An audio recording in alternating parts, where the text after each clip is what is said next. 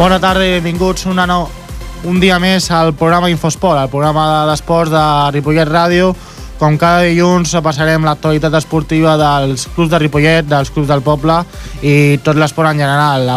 Aquesta setmana tenim algunes, algunes novetats, alguns esports que, que ja han, han començat la seva activitat des de ja fa unes setmanes i aquí a Infosport volem donar cobertura a la major quantitat d'esports possibles i també parlarem de una mica de fisiculturisme, una mica de, de patinatge artístic, que ja han donat alguna notícia més, i, i sobretot i també, com no, de, de futbol, de hockey de, de futbol sala. Eh, us parla el Brian Calvo, a la part tècnica en Jordi Puy, i comencem el programa.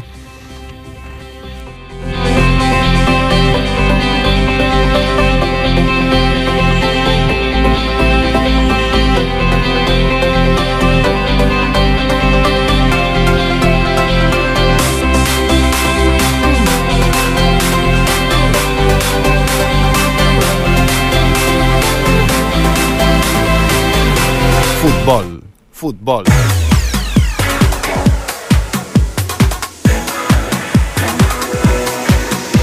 Comencem amb el futbol sala i comencem amb el futbol sala Ripollet que aquest cap de setmana va rebre una dolorosa golejada aquest, aquest dissabte a casa de l'escola Pia de Sabadell en un partit que va acabar amb un marcador d'1 a 8.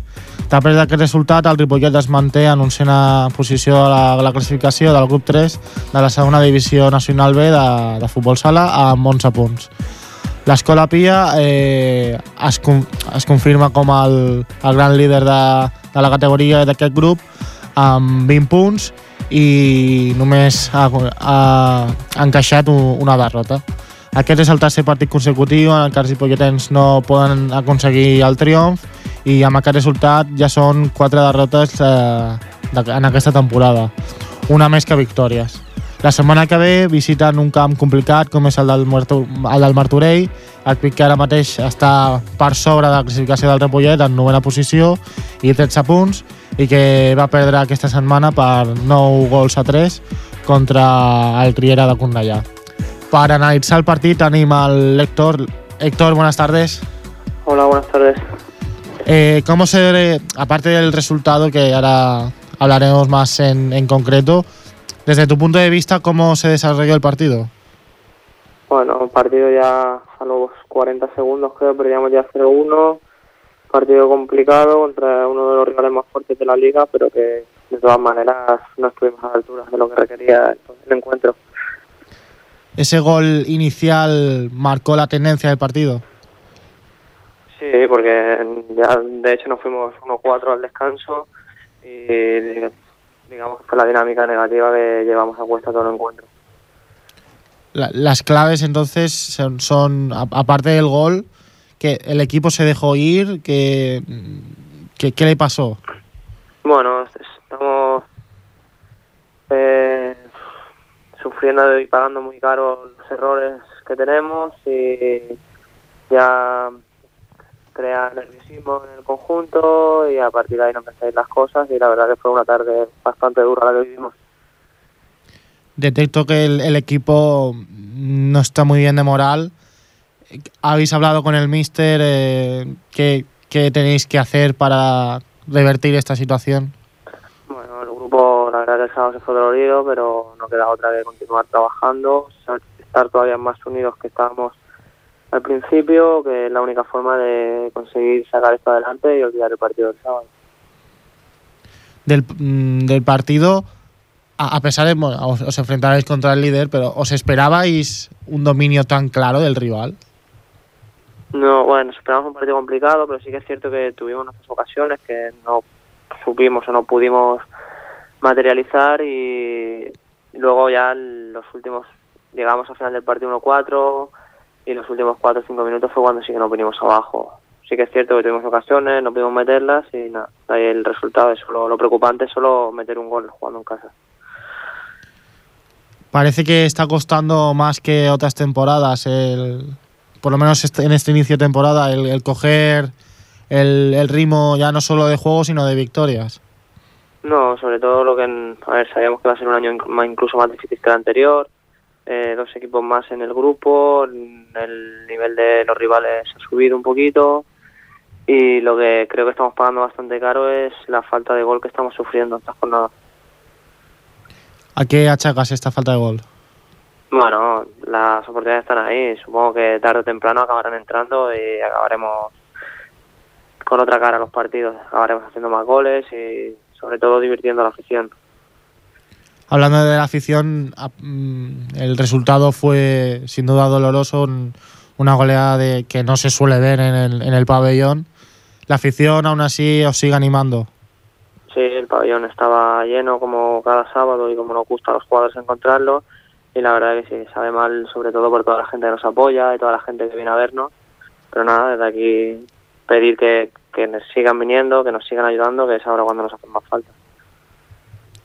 ¿El cambio de Mister ya está completamente asimilado o aún, aún queda algo por, por ajustar? No, el cambio de Mister sí que está asimilado. Esa parte era un Mister que estaba en la casa, que nos conocíamos, la forma de trabajar es similar y nada, lo de siempre queda siempre quedan cosas por trabajar, acabará la temporada y siempre quedan cosas por trabajar, eso es normal. Individualmente, eh, ¿cómo definirías, cómo explicarías tu inicio de temporada? Bueno, el, siempre la situación de porteros diferentes, se ven las cosas diferentes, se sufre diferente, pero bueno, yo supongo que es como el nivel de todo el grupo. El nivel ha subido, hay que seguir trabajando e intentar mantener el nivel del año anterior. Antes hablabas de, de la falta del gol del equipo, pero con, con, una goleada de, esta dimensión, la, la, parte de atrás del equipo, la defensa, ¿crees que, que, está, que está bien o que esto es una cosa puntual? O que hay que mejorarla? es una cosa que ya pasa desde mi primer año, ya hace cuatro o cinco aquí en Ripollet, que es un equipo que somos muy ofensivos, por lo tanto, la parte defensiva es donde más sufrimos y es donde siempre, incluso el año que fuimos campeones, encajamos goles, que quizá un equipo campeón no debería encajar. Mm. Pero bueno, el problema es que somos muy ofensivos, defendemos siempre en inferioridad y de ahí los goles que encajamos al menos la, la afición y el, fútbol sala en general agradece equipos que, que, por lo menos vayan a atacar y, y vayan a meter goles. Es, sí, es, es, la filosofía del club. Sí, sí, que la filosofía del club, de que la gente venga al se divierta y tal, pero bueno, yo en este caso como jugador y como portero siempre gusta encajar menos y para eso para la que seguir trabajando. Para ir acabando, eh, el objetivo sigue, sigue bien, mantener la categoría y, y, y, ¿por qué no, el luchar por un nuevo ascenso? Bueno, el objetivo principal a día de hoy, como están las cosas, es mantener la categoría, luego a partir de ahí disfrutar de todo lo que venga, sobre todo el ascenso lo veo muy, muy complicado, pero intentar luchar entre los tres, cuatro primeros, superando lo que hicimos el año anterior, que fuimos quintos. Ya la última pregunta. Eh, el próximo partido contra el Martorey, que lo tenéis a dos puntos. Eh, bueno, ¿qué, qué, ¿qué, expectativas tienes? Bueno, ya después de tres partidos sin conocer la victoria, hemos de ir a ganar, sí o sí, como vamos a partido. Pero sí que es cierto que es un rival un poco similar a nosotros, ¿no? Que cuando les sale las cosas mal, les va muy mal, como nosotros esta semana.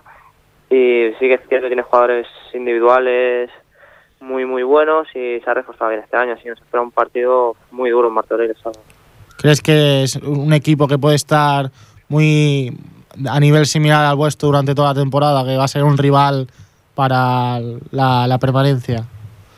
Sí, yo creo que sí, porque creo que los puestos del quinto puesto al al onceavo, doceavo vamos a estar en una diferencia muy pequeña de puntos y los pequeños detalles en los que al final del año decidirán un punto arriba, un punto abajo, donde nos quedamos en la tabla. Pues os deseamos que consigáis la, la deseada permanencia en esta temporada, que después de tres partidos en los que no se ha podido ganar, al cuarto lo podáis conseguir.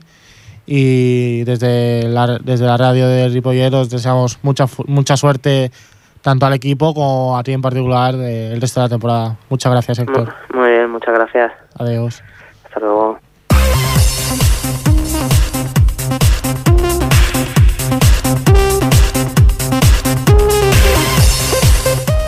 Canviem d'esport, de, però no de... O sigui, de, de futbol, però seguim, seguim amb el futbol i anem que canviem de pista, canviem, anem al futbol de, de Llespa i per això tenim al meu costat el meu company, el Manuel. Manuel, buenas tardes. Hola, buenas tardes, Brian. Que nos trae la actualidad del, del Pajaril que ha jugado este fin de semana. Manuel, ¿cómo ha ido? Pues sí, un Pajaril que, que bueno, eh, tenía un nuevo entrenador. Hace tres jornadas, Brian, que Marc Cogolludo lo dejó y lo acogió Jesús. Y bueno, el, el, pasado sábado el Pajaril pues recibía al Junior en el campo de, del Industrial, un partido en el que ambos necesitaban puntuar. Fue un partido muy fluido en el juego de ambos equipos, aunque el Pajaril se crecía por momentos y presionaba mucho a su rival. Minuesa dispuso de una jugada a los tres minutos, rematando de cabeza un centro de Arman, pero este salió desviado. En el minuto 11, Castro, guardameta al Pajaril, pone el balón con un fuerte disparo en el área del Junior, donde Eros controla y protege con su cuerpo ante un defensor, para poner un potente disparo que introduciría en la portería para adelantar a su equipo en el marcador. Cuatro minutos más tarde se repite una jugada similar a la del gol, donde Eros recibe un pase en el centro del área por medio de Armand, pero el balón sale desviado. Corría el minuto 25, cuando un error defensivo pone el empate a uno por parte del Junior. Cuatro minutos más tarde, un mal saque de portería produce una ocasión para el Junior adelantarse, pero el meta del pajaril Castro despeja a Cornell. En el minuto 31, un centro de Ángel es peinado de cabeza por Eros, para dejar el balón a Minuesa, que entre dos jugadores dispara a portería, pero lo acaba despejando el portero del Junior. En el minuto 34, Eloy se va por la banda e intenta una vasalina que sale, que sale tocando la escuadra. En el minuto 42, Eloy roba un balón, el cual conduce hasta el área, de, mmm, donde deja el balón a Ángel, y Ángel pasa a Eros para que dispare, pero el balón nuevamente vuelve a salir fuera. Un minuto más tarde, una jugada similar a la anterior, pero esta vez es Ángel quien chuta, pero el balón vuelve a salir fuera. El pajaril comenzó a disponer de las mejores jugadas hasta llegar al descanso, pero el marcador no se movería del empate a uno. En el segundo tiempo cambiaron las cosas. Comenzó siendo un partido mucho más duro por parte del Junior.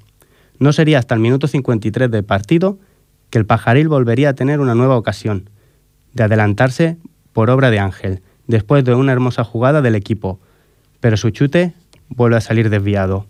En el minuto 57, Armand intenta sorprender desde fuera del área al meta del Junior, pero este detiene el cuero bajo los palos. En el minuto 59, Mickey roba un balón y se recorre toda la banda desde donde centra, cruzado y Eros se cruza ante la salida del portero del Junior, pero el balón sale desviado. En el minuto 68, Eloy chutaría desde fuera del área, pero el portero detiene el balón. No sería hasta el minuto 75 que Ángel pondría el 2 a 1 para el pajaril, de un centro desde la banda que recibe para colocarlo dentro. Dos minutos duró la alegría al pajaril, pues después de un nuevo error defensivo, el Junior volvería a poner el empate. La última jugada de peligro llegó en el minuto 83, donde Oribe se cuela por la banda y ante la portería dispara alto. Ambos equipos buscaban matar el partido hasta el minuto 90, pero el marcador no quiso moverse más y hubo reparto de puntos en el campo industrial. Para seguir analizando el partido, Manuel puede entrevistar al nuevo entrenador, a Jesús. Al nuevo entrenador, Jesús. Tenemos con nosotros a, a Jesús, el nuevo técnico de, del Pajaril. Eh, mister, después de, los tres, eh, de las tres jornadas que llevamos, desde el primer partido al día de hoy, ¿ven mejoría en el juego del equipo? Sí, sí que se ve mejoría, sí. Eh, es una línea que se tiene que seguir condicionando para eso, para tener resultados, que es lo que manda. Eh, ¿Cómo ha sido el trabajo que has tenido que tener en, en el equipo después de la marcha de Marc y viendo que los resultados no, no, eran favorables? ¿Has tenido que trabajar mucho con el tema psicológico? Bueno, más bien es primero eh, da- darle el, controlar un poquito lo que es las carencias defensivas, las carencias eh, ofensivas, lo que es en, sí el grupo y luego pues aportar lo que, bueno, confianza sobre todo y claro, sí, todo psicológico, los puntos mandan y, cuando se pone entrenador que él cree que le está haciendo lo mejor posible, pues si las cosas no funcionan, pues el equipo tampoco funciona, pero eso es así, poco a poco. ¿Cómo analizas eh, este partido después de, de que el Junior, eh, o sea, vosotros vais puesto siempre por delante, pero los goles que el Junior ha marcado han sido dos errores defensivos? Sí, de errores defensivos que se tiene que trabajar. Eso es una carencia que tenemos, que es la defensiva y por dos contra no nos pueden buscar un, un- o sea, perder un partido. Pero bueno, yo creo que eso, ya te digo, no, no tiene ningún inconveniente en, en solucionarse en dos semanas mínimo. ¿Cómo analizáis el próximo partido ante el Marina, equipo complicado después de este empate? Nada, al revés, positivo. Este equipo tiene, le va a dar la vuelta seguro. Es un equipo que está sumando mucho más y esto no, no nos va a hacer decaer al revés. Nos sube la moral el pajaril y el pajaril se llena de orgullo. Y iremos a por ello, a muerte. Y para eh, acabar de, de tratar de, de saber qué, qué sensaciones tenía el equipo después del partido, Manuel pudo entrevistar, aparte del entrenador de Jesús, a, A David Da- Segura. a David Segura. Tenemos con nosotros a David Segura.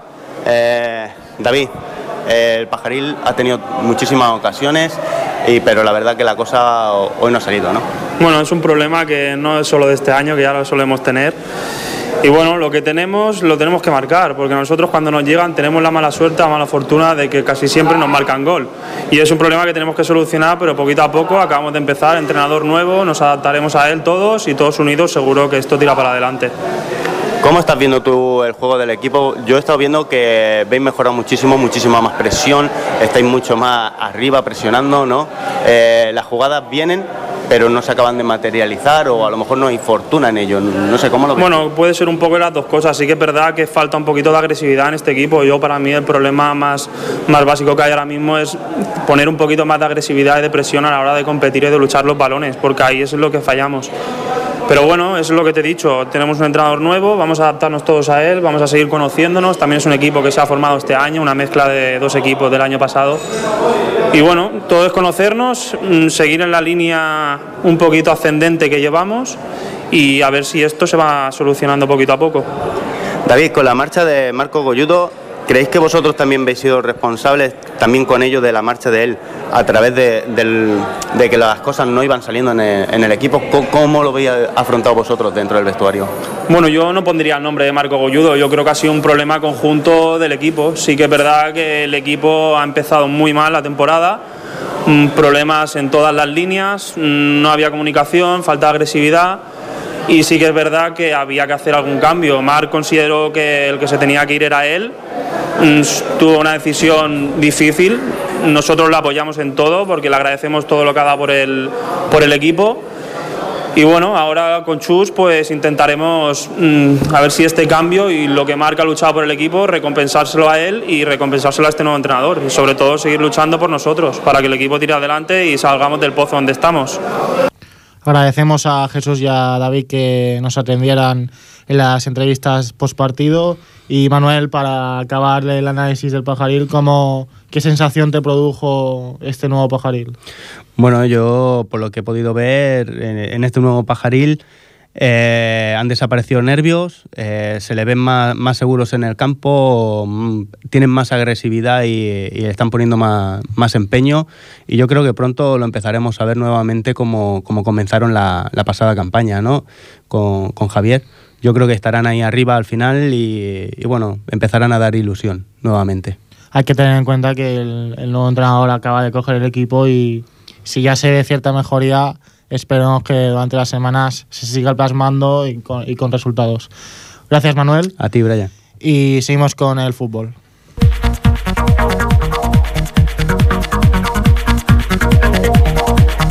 Seguim amb el futbol, però canviem de club. Eh, parlarem de l'Escola Futbol Base, que aquesta, aquest cap de setmana ha tingut una nova jornada i per analitzar el partit de l'Escola Futbol Base ten, tenim el nostre company, el Marc Mata. Endavant, Marc. L'escola empata a casa davant el Candeu. Ahir diumenge, amb les grades de l'industrial plenes de gom a gom, l'escola va empatar davant el Candeu per 1 a 1. La primera part va estar dominada pels visitants. Va ser una part difícil pels ripolletens, tot i que van tenir moltes oportunitats de gol. Els ripolletens lluitaven jugant i remenant la pilota sense encarar a la porteria. En aquesta part varen veure unes quantes faltes pels dos equips. També varen veure dues targetes grogues pels ripolletens. Una per l'Ivan per enfrontar-se a un jugador visitant i l'altra va arribar en el minut 39 i va ser pel Gustavo, després de llançar a terra a un jugador del Candeu. Un minut després va arribar el primer gol visitant produït per una falta. Tot ja anar perdent, l'escola no va deixar de lluitar per intentar marcar gol. La primera part va acabar amb, amb el marcador 1-0 a favor del visitant. El segon temps va començar amb una escola que va sortir amb moltes ganes per guanyar. En aquesta part, les faltes i les ocasions de gol van continuar. També varen poder veure tensió en el terreny de joc i la lluita dels ripolletens per marcar gol va continuar. En el minut 81, Luis Gustavo Suárez va tancar el marcador marcant el primer gol de l'escola, un gol molt esperat pels ripolletens i també per l'afició ripolletenca. Tot i així, amb dos equips van continuar lluitant fins al final del maig i quan estava a punt d'acabar el partit, en el minut 90, va haver una, un petit enfrontament entre els dos equips i l'afició va començar a queixar-se. Al final del maig, l'Albert Córdoba, jugador de l'escola Futbol Base Ripollet, va parlar pels micròfons d'Infosport. costado marcar gol, pero finalmente en el minuto 81 ha llegado vuestro gol. Sí, bueno, eh, una buena jugada que, que hemos trenzado desde la defensa y bueno, a balón parado. Después Gustavo ha metido zapatazo y, y bueno, nos ha dado esos minutos de, de respiro para el partido. Habéis tenido muchas oportunidades de gol. Sí, bueno, seguimos, seguimos cada partido, seguimos insistiendo, pero, pero bueno, creo que el equipo funciona y poco a poco pues se va llegando, se va llegando hasta que, bueno, algún día pues tendrán que entrar, ¿no? Hemos visto tensión en el campo, incluso un- eh, en el minuto 90 antes de acabar el partido. Eh, ¿Qué ha pasado? Bueno, una, un rifirrafe de fútbol, pero bueno, eso siempre se tiene que quedar ahí en el campo y luego ya se sale y, y nada. ¿Cuál es tu valoración del partido? Bueno, yo creo que el equipo pues está funcionando, está creciendo cada vez más. Eh, bueno, empezamos con una mala racha, pero con trabajo, esfuerzo y humildad creo que, que esto se puede sacar adelante. ¿Cómo afrontáis los próximos partidos? Bueno, con ahora ya pensar la próxima semana vamos al campo del Barberá, Andalucía, y bueno, tocará pues trabajar los entrenos y llegar al fin de semana y, y poder realizar un buen partido. L'equip es situa últim amb 3 punts, 3 partits empatats i 7 perduts. La setmana que ve s'enfronta al Barberà, un equip que va vuitè amb 13 punts, 4 partits guanyats, un empatat i 5 perduts. Gràcies, Marc, i seguim.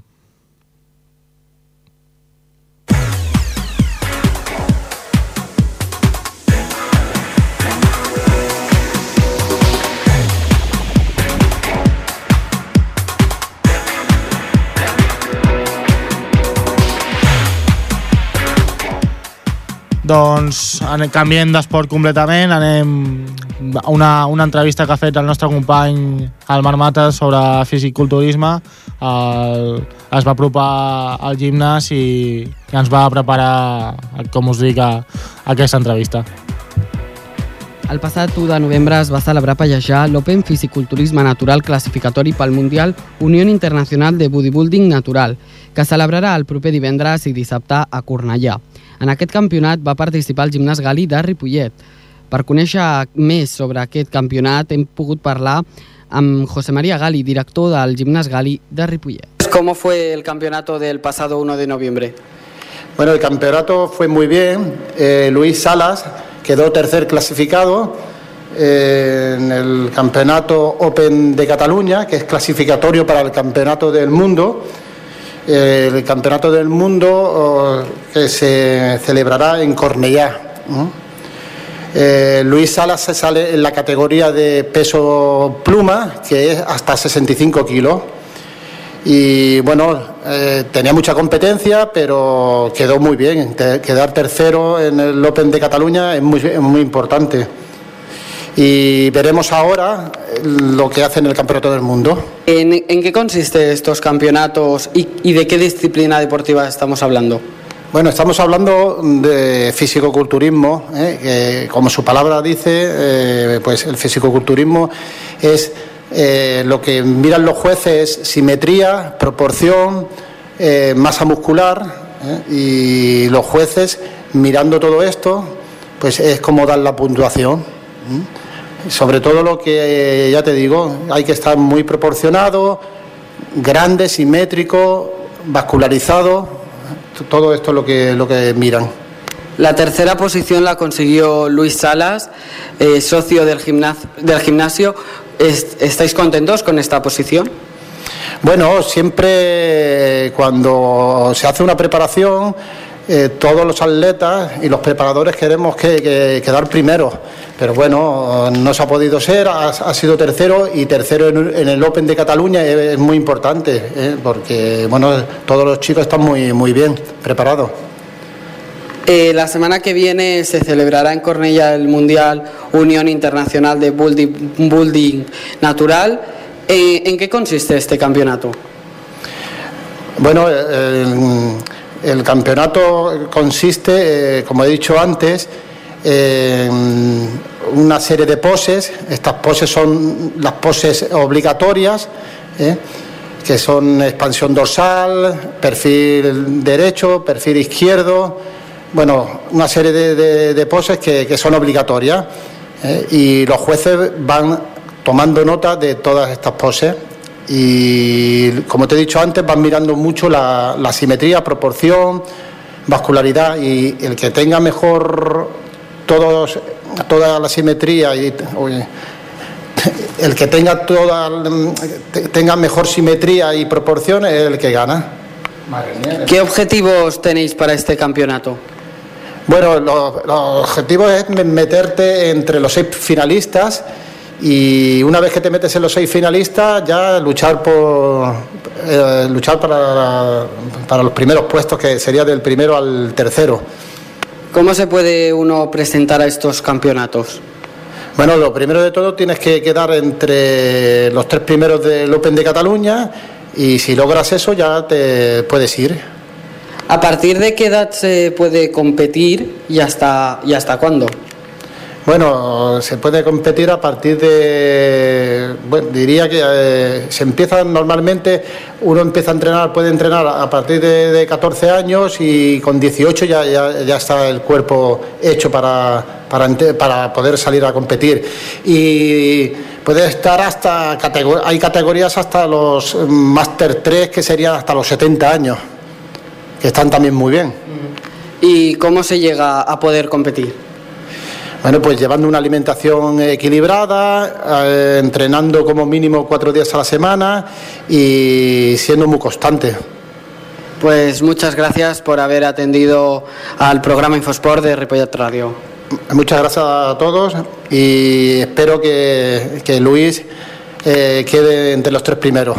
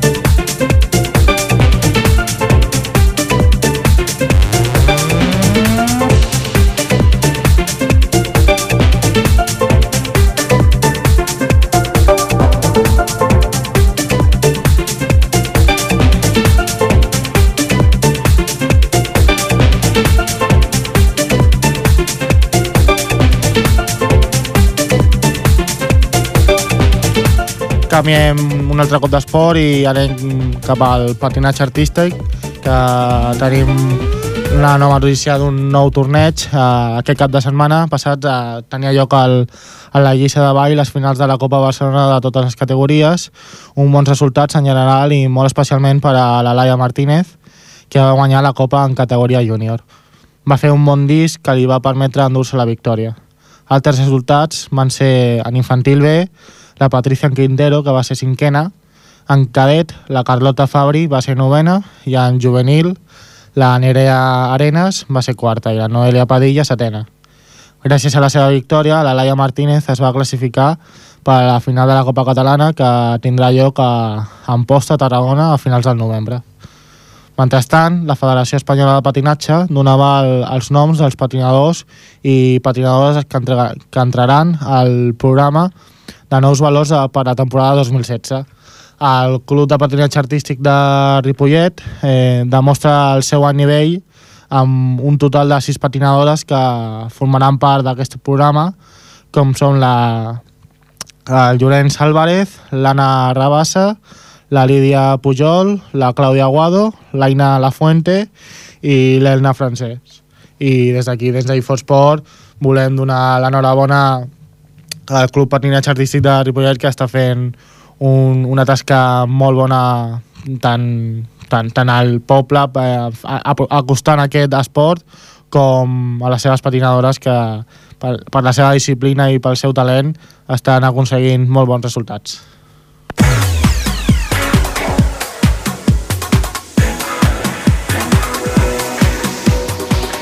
Canviem d'esport un altre cop i anem cap al tenis taula, que aquesta setmana ha, ha disputat un, una nova jornada després d'un petit descans de, de dues setmanes. I el Ripollet eh, doncs, com jugava com a local i ha tingut una ha, ha patit una derrota 3 a 4 davant el Monteporreiro. Um, el Miquel Arnau ha aconseguit dos punts el, i el Raül porta l'altre punt del Ripollet. El, el marcador arribava amb un, un 3 a 3 a, gairebé ja a les acaballes del partit i es va haver de desempatar en un partit de dobles però ma- malauradament el Ripollet va, va caure en aquest punt definitiu i, i, va, i va, ter, va tenir una nova derrota.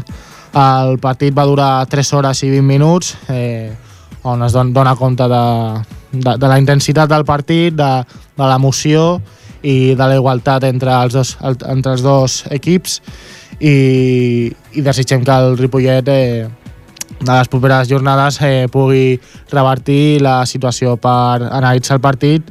Tenim eh, per via telefònica el Miquel Arnau. Miquel, bona tarda. Hola, bona tarda. Des del punt de vista teu i de, i de l'equip, com, com es va desenvolupar? Bueno, eh, el que parlàvem fa poc, eh, la igualtat de, de la Lliga, no? És, era un partit difícil, també aquest com no comptàvem amb el, amb el Joan Massip perquè estàvem, estava participant en, en un campionat internacional amb la selecció espanyola i, i bueno, tot i així doncs, vam, vam, vam arribar al, al 3 a 3, no? al desempat. Sí. Llàstima que el doble, bueno, no vam, vam perdre 3-0, jo crec que en el doble no vam tenir moltes opcions.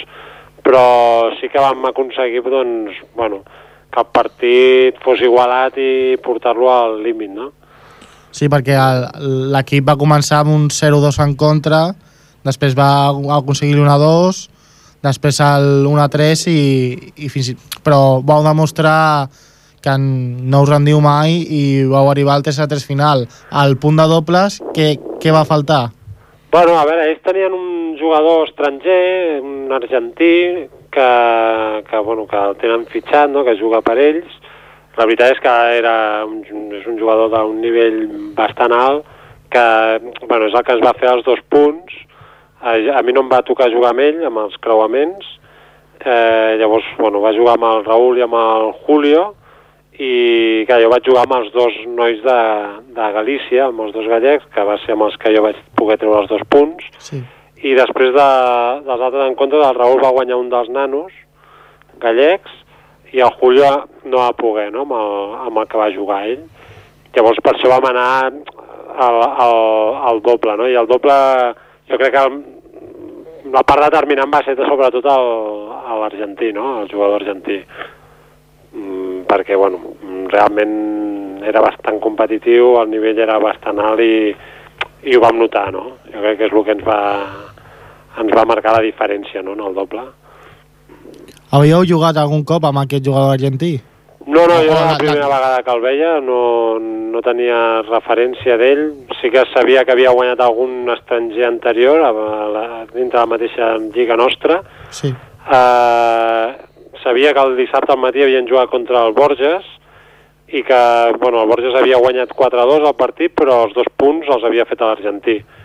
Amb, el, amb el base del Borges l'havia guanyat i bueno, llavors ja sabia que, que el nivell era bo. Llavors, bueno, era una mica també anar a guanyar els partits contra els altres dos jugadors, no? I, i bueno, no em va tocar a mi jugar contra ell, tampoc sé, jo crec que hagués sigut difícil també que, que l'hagués pogut guanyar pel que vaig veure, no? Per tant, bueno, l'objectiu del partit era en, encaminat a, a anar a guanyar els altres quatre punts i, si més no, intentar arribar al doble, no?, a veure què passava. Però, bueno, no va poder ser. Com, com parlaven abans, eh, la igualtat de la, de, del grup és, és enorme de la, i de, de la categoria, però és un, potser és una dada una mica curiosa, però eh, l'equip ha tornat a perdre a casa i, i no, no està tenint la, aquesta fiabilitat que parlaven ja en algunes setmanes endarrere de jugant a, com a local guanyant eh, tot, tots els partits com, o gairebé tots els partits com ha passat en temporades anteriors. També és veritat que és una nova categoria, però creus que és, en aquest aspecte esteu notant el canvi? Bueno, el canvi, el canvi de categoria és el que es nota, eh? Vull dir, la diferència més que es jugar a casa o a fora és pel nivell dels equips que hi ha. Uh, abans a primera nacional, bueno, l'any passat no vam perdre cap partit en tot l'any, uh, si no me'n recordo, vull dir, no és tant de si juguem a casa com, com si no, com els rivals que tens davant, no? Els que marquen la diferència. Hi ha hagut partits difícils com els de el, el o Argui de, del País Basc que, que per exemple no comptàvem, pensaven que seria un partit difícil de guanyar i al final van guanyar 5 a 1 i hi ha hagut partits que, bueno, a Cambados era un partit molt, molt igualat i se'ns va escapar, podíem haver tret un bon resultat, però i aquest també, aquest partit aquí l'hem perdut, jo crec que allà a casa d'ells els podem guanyar és un partit que es pot guanyar, vull dir, in, indiferentment de si juguem a casa o a fora, no? Sí que a casa, evidentment, eh, per nosaltres ens donarà millor en el sentit de que, de que estem més acostumats, no?, jugant a la nostra pista i amb la, amb els, amb la nostra afició, per dir alguna cosa, no? Mm. Però, però a nivell de joc eh, són partits que es pot guanyar igual, encara que, que juguem a casa d'ells. Jo crec que amb aquest equip el Joan, si hagués pogut jugar el Joan, segurament a lo millor s'hagués de cantar cap a nosaltres, no? O sigui, era un equip molt igualat i que per nosaltres era possible de guanyar, jo crec. Eh, Amb la, amb la igualtat que vam tenir, amb el valor afegit del Joan, jo crec que, que, bueno, que, que allà a la tornada a casa d'ells ens el podríem emportar, jo crec. Perquè, pel que dius, parlant en termes genèrics, eh, el tenis table potser és un, un esport en què la, el factor pista, o el, com es parla en altres esports, o com el futbol, el bàsquet, fa, aquest factor pista no sent sent prioritari, va, sent més mm, al jugador li agradarà jugar a casa, però que a l'hora de, de guanyar o perdre no té... Home, pot, a veure, pot afectar en el sentit de, per exemple, quan vam anar a jugar a Saragossa, un dels, un dels partits es jugava en una pista de, en una pista de pavelló gran, no? I hi havia la taula de tenis taula en un costat de la pista, no? Llavors, les dimensions són molt grans de la, del camp, de la pista, Sí. i, i no és el mateix que jugar en una sala més petita, no? Pel, pel vot de la pilota, pel, per la il·luminació, a vegades la humitat també, Aquí a Ripollet hi ha bastanta humitat, normalment, juguem al costat de la piscina, llavors, vulguis o no, ha... Segurament els, els rivals no es troben tan còmodes, no? Nosaltres estem més acostumats. Uh, però, bueno, dintre d'això, mm, bueno, el, el, també hi ha el nivell de cada jugador, no? I, i bueno, hi ha jugadors que pots ser igualat al nivell, hi ha jugadors que pots estar per sobre, hi ha jugadors que estaràs per sota, no? Llavors, també depèn una mica mm, com estiguis tu, no?, a nivell de joc, més que la pista. La pista que pot afectar, pots, est- et pots trobar millor, pots trobar pitjor, però, però bueno, mm, moltes vegades em molesta la pista, sobretot quan les coses no surten bé, no? Gairebé sempre és per Sí. aquest motiu.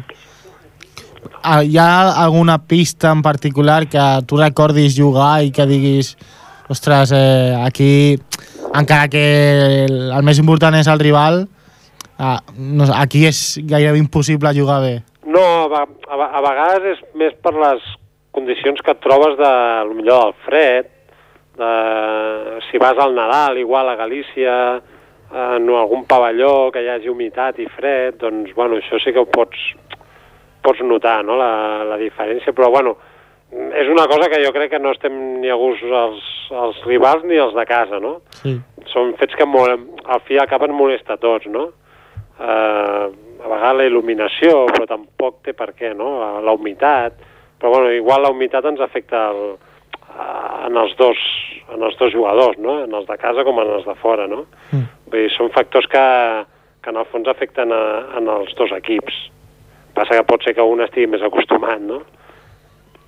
canviant, canviant una mica de tema el, quan a la gestió de l'equip que bueno, com sou en principi pel primer equip quatre jugadors el Raül, el Julio, el Jordi i, i tu eh, aquesta autogestió per així dir-ho eh, a l'hora de parlar de les victòries, derrotes, de què heu de millorar com, com ho porteu?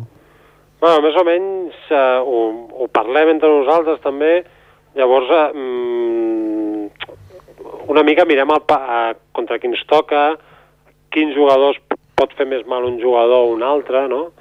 Eh, hi ha jugadors que, per exemple, el Raül amb, amb nois de la seva edat els coneix, els coneix més, ha competit més a nivell nacional contra ells, que no pot ser no pas jo, i, i al millor sap que millor un jugador no, no se li dona bé, no? I millor pues, el Julio, per l'estil de joc o per la manera de joc, li pot fer més mal, no?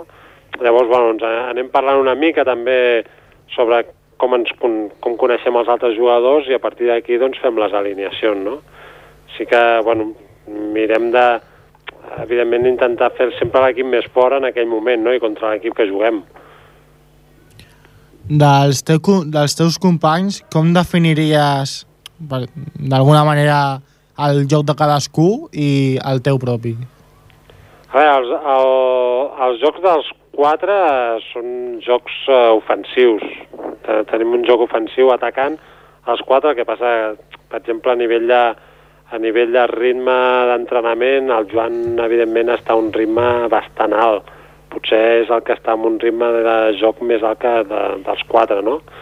També per, perquè entrena 5-6 hores al dia, eh, bueno, amb la selecció espanyola està centre del rendiment, no? Mm. Llavors, doncs, evidentment, és el que porta un ritme d'entrenament molt alt i se li nota. Físicament està molt fort. Després el, el Raül també és jove, a passar no entrena tampoc al ritme del Joan, perquè no, no està al car, no, no té aquesta possibilitat. I, i després el, bueno, el Julio està treballant, jo també tenim menys temps per entrenar, potser nosaltres, pel tema familiar, per, per la feina, però, però bueno, que a nivell de, ara mateix de projecció està clar que el Joan i el Raül són els més joves, no? I són els que mm, en teoria han d'estar més forts. Sí. Teniu previstes eh, perquè el, el Joan que té aquestes concentracions alguns caps de setmana i algunes setmanes teniu prevista alguna baixa més d'ell en, en la resta de temporada? A veure, mm, segurament es donarà el cas en algun moment.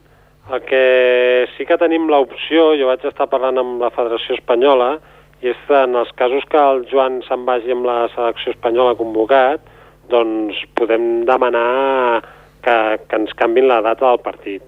Val?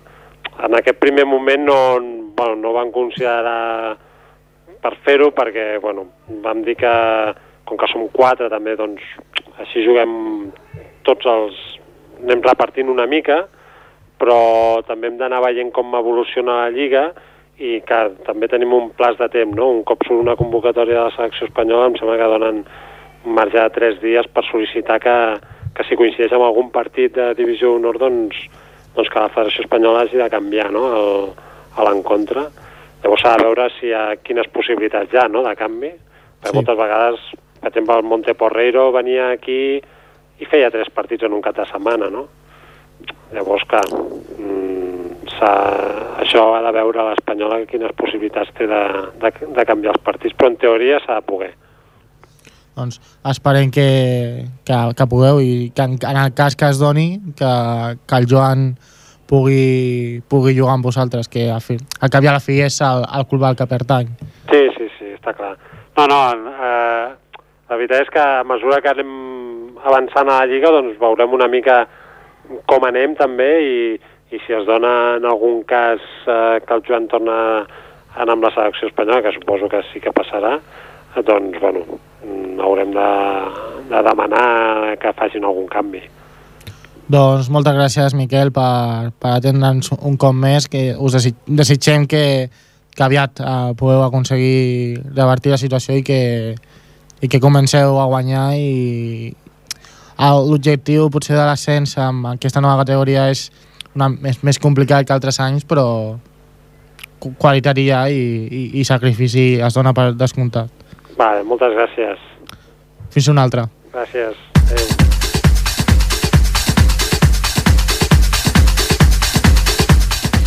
Canviem per l'últim cop d'esport i anem al hockey, al Club Hockey Ripollet, que va derrotar, va derrotar ahir a casa el líder de la segona catalana, al Congrés, per un resultat ajustat de 2 a 1. Els ripolletens, després d'aquest resultat, se situen segons la classificació, on, on ja estaven, però s'acosten al, al líder, en, a només un punt, que ha jugat un partit més. El balanç de l'equip Ballassà, després de set partits disputats de Lliga, és molt positiu, amb sis victòries i només una derrota. La setmana que ve el Ripollet visitarà la pista de l'Arenys de Mar, diumenge a les 7 de la tarda, conjunt amb el que ara mateix està empatat a punts. En tenen 18 cadascú.